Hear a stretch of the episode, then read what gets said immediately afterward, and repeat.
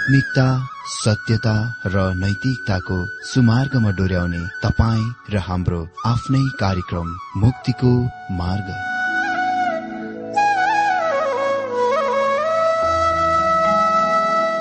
आदरणीय श्रोता यस मुक्तिको मार्ग कार्यक्रममा हार्दिक स्वागत छ। आशा छ यस आत्मिक कार्यक्रमद्वारा जीवनमा आत्मिक आशिष अलौकिक शान्ति र आनन्द प्राप्त गर्नुहुनेछ। र जीवनमा धन्य अनुभव गर्नुहुनेछ। आउनुहोस् श्रोता। मन र आत्माको तयारीको लागि यो मिठो अनि मधुर भजन गीत सुनौ।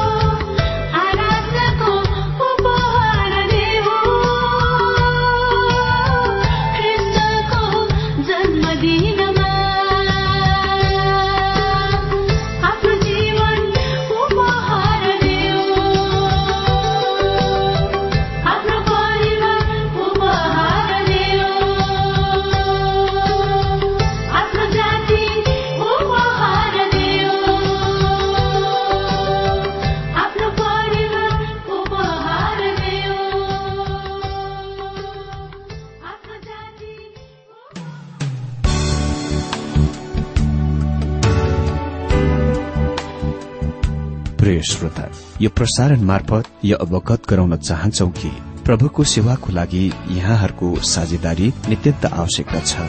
यहाँहरूले प्रार्थनाको साथसाथै आर्थिक सहायता गर्न अनुरोध गर्दछौ। तपाईँहरूको सानो भन्दा सानो भेटी किन नहोस्? हामी प्रभुको नाममा स्वीकार गर्नेछौ। प्रभुको सेवाको लागि। तपाईँहरूको यो सानो लगानीले कसैको जीवनमा भिन्नता ल्याउँछ? अनि प्रभुको महिमा हुन्छ। प्रभु तपाईँहरूलाई महान गरी आशिष दिनुहुनेछ। इच्छुक श्रोताहरूले तपाईँको इच्छा भेटी हाम्रो ठेगानामा पठाउन सक्नुहुन्छ जुन ठेगाना हामी कार्यक्रमको अन्तमा दिनेछौं। प्रिय श्रोता मित्र प्रभु येशु ख्रिस्टको मधुर अनि सामर्थ्य नाममा मेरो जयमसी तथा हार्दिक स्वागत छ आजको यो बाइबल अध्ययन कार्यक्रममा। श्रोता धेरै धेरै धन्यवाद। आफ्नो बहुमूल्य समय यसरी यो बाइबल अध्ययनमा खर्च गरिरहनु भएको छ। अनि म विश्वास र आशा पनि गर्दछु कि तपाईँहरूले जति पनि बाइबल अध्ययनमा समय खर्च गर्नुभएको छ परमेश्वरले तपाईँको हृदय र आत्मिक जीवनलाई आशिष दिनुभएको छ। अनि त्यो आशिष वास्तवमा तपाईँ र मेरो जीवनलाई चाहिने अति नै आवश्यक कुरा हो। बहुमूल्य कुरा हो। महत्वपूर्ण कुरा हो। त्यसले गर्दाखेरि आउने दिनमा पनि यसरी नै बाइबल अध्ययनमा निरन्तर भाग लिनुहोला आत्मिक रूपमा आशिषित हुनुहोला आफूले परिवारले साथीभाइहरू मण्डली सबैलाई सुन्नको लागि उत्साहित गर्नुहोला ताकि हामी सबैले परमेश्वरको वचनमा आत्मिक भोजन प्राप्त गरिकन आत्मिक रूपमा सुस्वस्थ हुन सकौं र परमेश्वरको महिमा हाम्रो जीवनद्वारा गर्न सकौं र परमेश्वरको साक्षीको जीवन जिउन सकौं। हुन्छ श्रोता अब हामी बाइबल अध्ययनतिर लाग्नेछौ। अघिल्लो कार्यक्रममा हामीले इसरायलीहरूलाई चुनौती विषय मार्फत अध्ययन गरेका थियौं। लाभ फाइदा हितको दोषारोपण। तिनीहरूका चाल चलनहरूको विचार गर्नलाई बोलावट। अनि हामीले अलिकति यस उपविषयबाट पनि देख्यौं मन्दिर निर्माण गर्न आज्ञा। अनि आज हामी यही विषयलाई एक अध्यय आठदेखि एघार पदबाट देख्न गइरहेका छौं। मन्दिर निर्माण गर्न आज्ञा। हजुर परमेश्वरले तिनीहरूलाई तिनीहरूका समस्याको समाधानहरू पनि दिनुभयो। परमेश्वरले तिनीहरूलाई एक अध्ययको आठ पदमा मन्दिर निर्माण गर्न आज्ञा दिनुहुन्छ। र उहाँले तिनीहरूलाई तीन कुराहरू भन्नुहुन्छ जुन तिनीहरूले गर्नुपर्नेछ। पहिलो डाँडा डाँडामा उक्लेर जाऊ दोस्रो काठ पात ल्याऊ। र तेस्रो भवन निर्माण गर। मित्र डाँडामा उक्ली गएर रूख काटेर काठहरू एकट्ठा गर्न ठूलो कामको र परिश्रमको माग गर्दछ। मेरो मित्र म तपाईँलाई एकपल्ट याद दिलाउँछु यदि तपाईँ परमेश्वरको लागि काम गर्न तयारी हुनुहुन्न भने यदि तपाईँ त्यो काम गर्न चाहनुहुन्न जुन प्रभु तपाईँले गरेको चाहनुहुन्छ चाहे त्यो जुनसुकै काम होस् बाइबल अध्ययनले तपाईँलाई वास्तवमा त्यति धेरै सहायता गर्ने छैन। परमेश्वर काममा विश्वास गर्नुहुन्छ। अनि हागाईको सानो पुस्तकको सन्देश चाहिँ कामको सुसमाचार हो। हामीले यस अद्भुत सानो पुस्तकमा देखेका छौं कि सर्वप्रथममा त्यहाँ उहाँका मानिसहरूलाई परमेश्वरको चुनौती थियो। तिनीहरूले आफै स्वयंलाई धोका दिइरहेका थिए मजाक गरिरहेका थिए। यो सोच्दै कि तिनीहरू परमेश्वरको इच्छा गरिरहेका थिए। मन्दिर भवन निर्माण नगर्ने तिनीहरूसँग भएको कारण चाहिँ तिनीहरू एकदम अल्स्य थिए। तिनीहरूले त्यस तथ्यलाई अति नै यस्ता आत्मिकीकरण गरेर छेपाउन कोसिस गरे। ओहो यो समय उचित समय होइन। परमेश्वरको इच्छा अनुसारको यो समय होइन। यस समयमा मन्दिर निर्माण गर्ने परमेश्वरको इच्छा होइन। परमेश्वरले तिनीहरूलाई काम गर्न जान भन्नुभयो। उहाँले भन्नुभयो तिमीहरूका अन्नबाली सप्रेन वा भएन र हरेक कुरा गडबड चलिरहेको छ। तिमीहरूले आफ्ना परिस्थितिहरूलाई दोष दिइरहेका छौ। किन तिमीहरू मलाई दोष दिँदैनौ? म नै त्यो हुँ जसले तिमीहरूका कष्टहरू दुःखहरू पठाएको हो। म तिमीहरूलाई जोगाउन जगाउन कोसिस गरिरहेको छु। उहाँले तिनीहरूलाई तिनीहरूका चालहरूको विचार गर्न तिनीहरूका हृदयहरू तिनीहरूका चालहरूमा निर्दिष्ट गर्न भन्नुहुन्छ। र अहिले उहाँ तिनीहरूलाई काममा व्यस्त हुन भन्नुहुन्छ। उहाँले तिनीहरूलाई आफ्नै हित लाभको खोजी गर्नको रूपमा दोषारोपण गर्नुभयो। त्यसपछि उहाँले तिनीहरूलाई आफ्ना आफ्ना चालहरूको विचार गर्न भन्नुभयो। र अहिले उहाँ तिनीहरूलाई मन्दिर निर्माण आरम्भ गर्न भन्नुहुन्छ। अनि यो अति नै सरल छ। डाँडाहरूमा जाऊ र काठपात ल्याऊ। डाँडा पहाड़बाट काठहरू आफसे आफ तपाईँका गुडी आउँदैनन्। बरु तपाईँ अझै त्यहाँ गएर काम गर्नु पर्दछ आज धेरै आवाजहरू छन् जुनले ख्रिस्टियनहरूलाई आफ्ना जीवनहरूमा आश्चर्य कर्महरूको आशा गर्न उत्साह दिइरहेको छ। तिनीहरू भन्छन् परमेश्वर तिमीहरूसँग आश्चर्य कर्मद्वारा व्यवहार गर्न गइरहनु भएको छ। मित्र म तपाईँलाई यहाँबाट यो भन्दछु कि उहाँले त्यस्तो गर्नुहुन्न। कुनै मानिस आएर ती इसरायलीहरूलाई त्यसबेला यो कुरा भन्न अति नै सरल थियो कि तिनीहरूले परमेश्वरको आश्चर्य कर्महरूको आशा गर्न सक्छन्। तर परमेश्वर भन्नुहुन्छ डाँडामा जाऊ र काठ काटेर ल्याऊ। काम गर्न जाऊ मेरो मित्र। परमेश्वरको लागि हाम्रो सेवामा कुनै सजिलो छोटो मिठो बाटो छैन। स्पष्ट रूपले भन्नुपर्दा अल्छीपनको कारणले बाल संगतिको शिक्षकहरू सफल हुँदैनन्। अल्छीपन नै त्यो कारण हो। सेवकहरू प्रचारकहरू सफल हुँदैनन्। अल्छीपन नै कारण हो मानिसहरू आफ्नो क्रिस्चियन जीवनमा विफल हुन्छन्। तपाईँले त्यसमा काम गर्नु पर्दछ।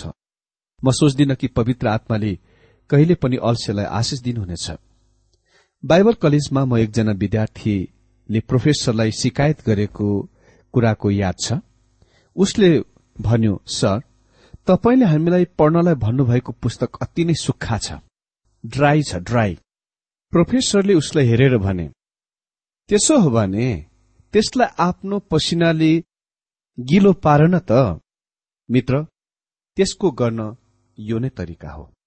यो कदापि पनि आशा नगरौं कि ख्रिस्टियन जीवनलाई हरेक कुरा चाँदीका थालाहरूमा दिइनेछ। आश्चर्य कर्म मिराकल तपाईँले गर्ने काम आउँदछ। परमेश्वरले हगैको दिनमा आफ्ना मानिसहरूलाई काम गर्न जानलाई भन्नुभयो। डाक्टर फ्रेङ्क मोर्गनले यसलाई पहिलो कुरा भन्नुभएको छ दिमागलाई माइन्डलाई अपिल परमेश्वरले शुरूमै भन्नुभयो कि तिमीहरूले यो परमेश्वरको भवन बनाउने उचित समय होइन। भनेनौ तिमीले त्यसको बारेमा सोचेको म चाहन्छु।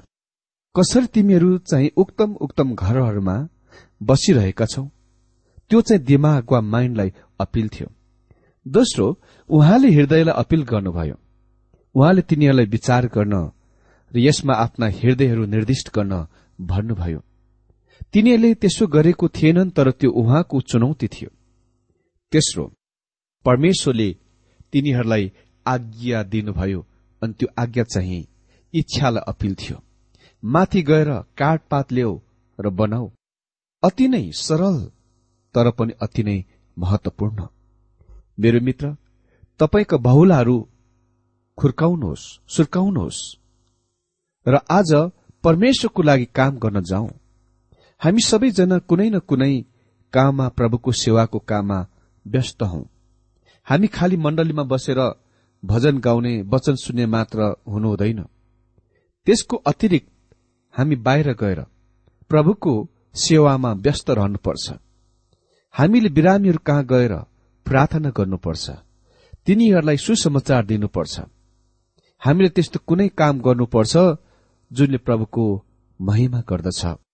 काम त्यस्तो कुनै कुरा हो जुन अति नै धेरै गरेर हाम्रा मण्डलीहरूमा आज आवश्यक छन्? यदि तपाईँ मण्डलीको स्थानीय सदस्य हुनुहुन्छ भने तपाईँ काम गर्न जानुपर्छ। मेरो तात्पर्य के हो सो कुरालाई नमूनासहित स्पष्ट पार्न चाहन्छु। एक दिन एकजना हाम्रो मण्डलीको सक्रिय विश्वासी मका आएर भने दाई म सार्वजनिकमा प्रार्थना गर्न सक्दिन। मलाई थाहा छैन किन तर म त्यो गर्न सक्दिन। वास्तविकता यो हो कि म सार्वजनिकमा सबैको अगाडिमा सामने बोल्न सक्दिन। मलाई कृपया कहिले पनि सार्वजनिकमा प्रार्थना गर्न नबनाउनुहोला नभन्नुहोला नबोलाउनुहोला। यदि तपाईँले मलाई त्यो गर्न भन्नुभयो म तपाईँलाई शर्मिन्दा गराउनेछु र म आफै पनि शर्मिन्दा हुनेछु। म कति पनि यी कुराहरू सार्वजनिक रूपमा गर्न सक्दिन। म यो आफ्नो कमजोरीमाथि विजय पाउन सक्छु जस्तो लाग्दैन। जब उसले यी कुरा बताए उसका आँखाहरूमा आँसुहरू थिए। त्यसपछि उसले भन्यो यो मण्डलीमा कुनै काम गर्न जब आवश्यक पर्दछ चाहे बिजुलीको लाइट बल्ब बदल्ने सम्बन्ध होस् वा चर्च भवनमा कुनै मनमतको कामहरू होस् नयाँ छाना लगाउने सम्बन्धमा होस् तपाईँ मलाई बोलाउन सक्नुहुन्छ। म त्यो गर्नमा प्रसन्न हुनेछु। तपाईँलाई थाहा छ त्यसपछिबाट हामीले के गर्यौं यदि मण्डलीमा कुनै कुराको मर्मत गर्न आवश्यक परे वा कुनै काम गर्न परे हामी उसलाई बोलाउँथ्यौं। कहिलेकाहीँ आधा घण्टाभित्र नै सबै मानिसहरू मण्डली भवनमा काम गर्न भेला हुँदथे। र त्यो लज्जाले विश्वासी पनि तिनीहरूसँग दिलो ज्यानले काम गर्दथ्यो। उनी हाम्रा मण्डलीमा एक महान महत्वपूर्ण सदस्य थिए। उनी हाकै थिए। उनी व्यावहारिकतामा र काम गर्नमा विश्वास गर्दथे जुन गर्न आवश्यक परेको छ। प्राय गरेर अरू जग्गाबाट आउने प्रचारकहरूले र अरू मानिसहरूले यो तारिफ गरेको सुन्दछौ ओ यो मण्डली भवन कति सुन्दर कति शानदार। आराधना गर्नलाई। मित्र तपाईँलाई थाहा छ किन त्यो मण्डली त्यति धेरै सुन्दर देखिन्दथ्यो? हाम्रा मण्डलीमा एक मानिस सार्वजनिकमा सबैको सामने प्रार्थना गर्न सकेन।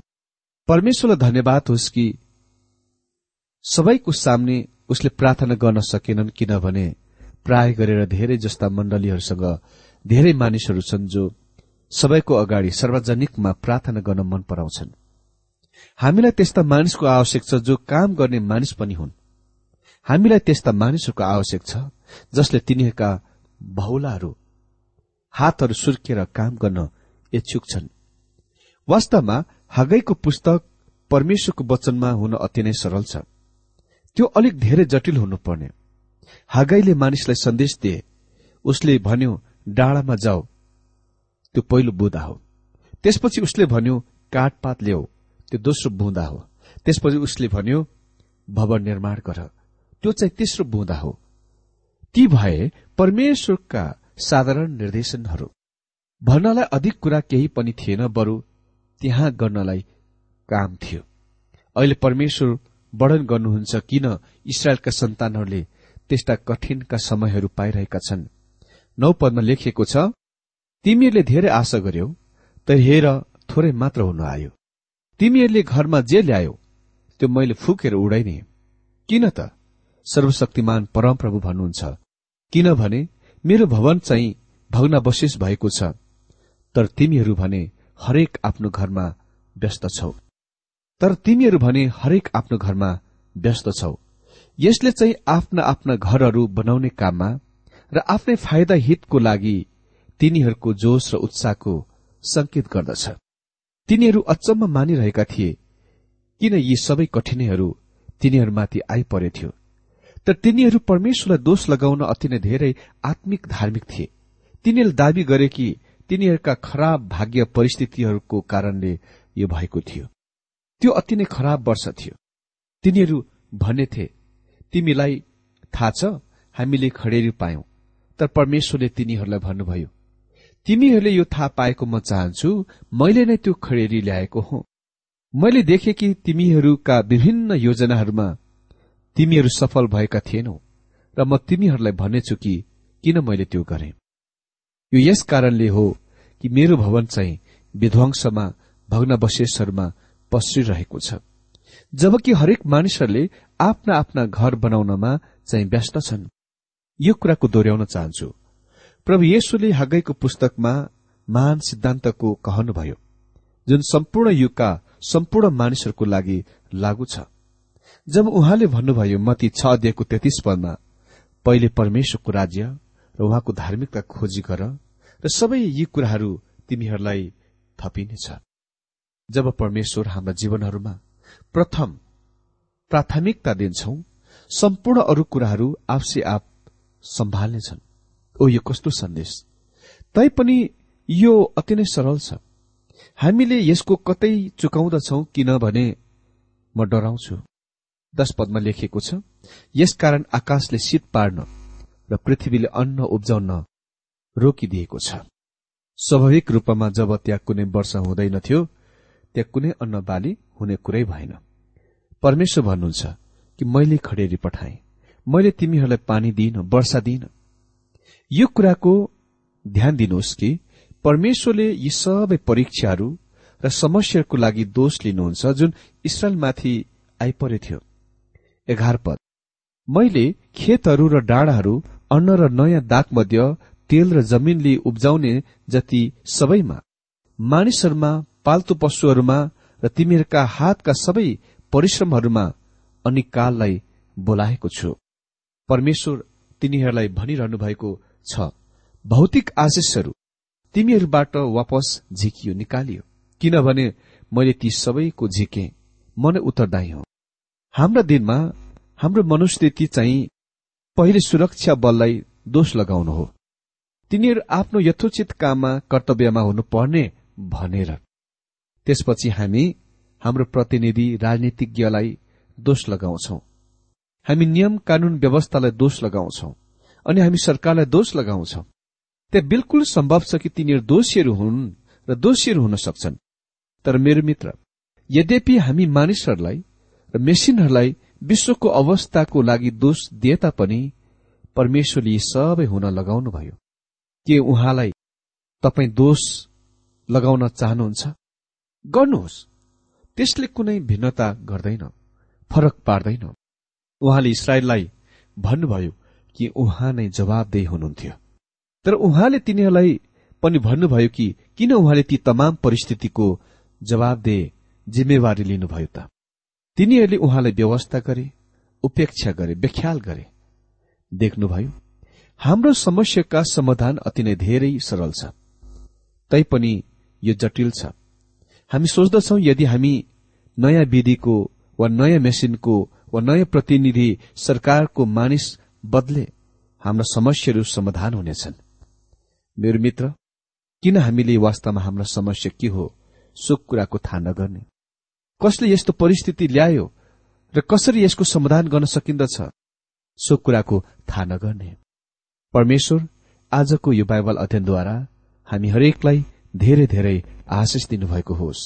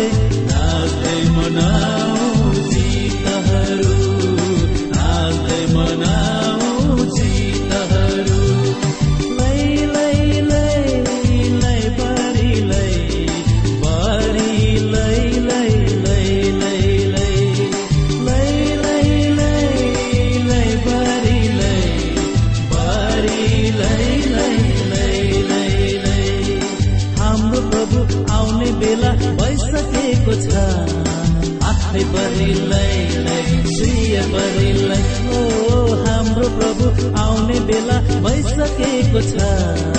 आफै परिलाई सिय परिलाई। आफै परिलाई परि लै आफै परिलाई परि लै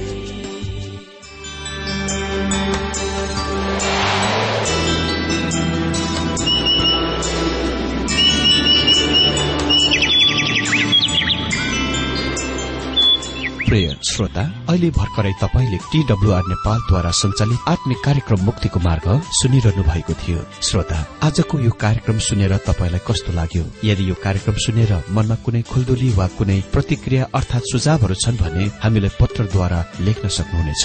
हामी हृदयदेखि नै स्वागत गर्नेछौ स्वीकार गर्नेछौ साथै बाइबल सम्बन्धित प्रचारहरू कार्यक्रम सारणीहरू हामी अनुरोधमा पठाउन सक्छौ। अनि तपाईँसँग कुनै प्रार्थनाको विषय छन् भने हामीले तपाईँको लागि प्रार्थना गरेको चाहनुहुन्छ भने प्रभुमा आफ्नै परिवार सम्झेर हामीलाई पत्रमा लेख्न सक्नुहुनेछ। तपाईँको लागि हामी प्रभु येशुसँग प्रार्थना गर्नेछौ। अधिक जानकारी र पत्रचारको लागि हाम्रो ठेगाना यस प्रकार छ। कार्यक्रम मुक्तिको मार्ग जीपीओ नम्बर उनानब्बे पचहत्तर इपिसी पच्चिस एकसठी काठमाडौँ। ठेगाना एकपल्ट सुन्नुहोला। कार्यक्रम मुक्तिको मार्ग जीपीओ नम्बर उनानब्बे पचहत्तर इपिसी पच्चिस एकसठी काठमाडौँ। हाम्रो इमेल एड्रेस हो TWR Nepal at Yahoo dot com. साथै यस नम्बरमा एसएमएस गर्न सक्नुहुनेछ। अन्ठानब्बे चार सत्तरी पैंतिस छ सय उनासी नौ आठ चार सात जिरो तीन पाँच छ सात नौ। हुन्छ श्रोता आजलाई हामी विदा चाहन्छौ। अर्को कार्यक्रममा हामी पुनः भेट्नेछौ। तबसम्मलाई नमस्कार।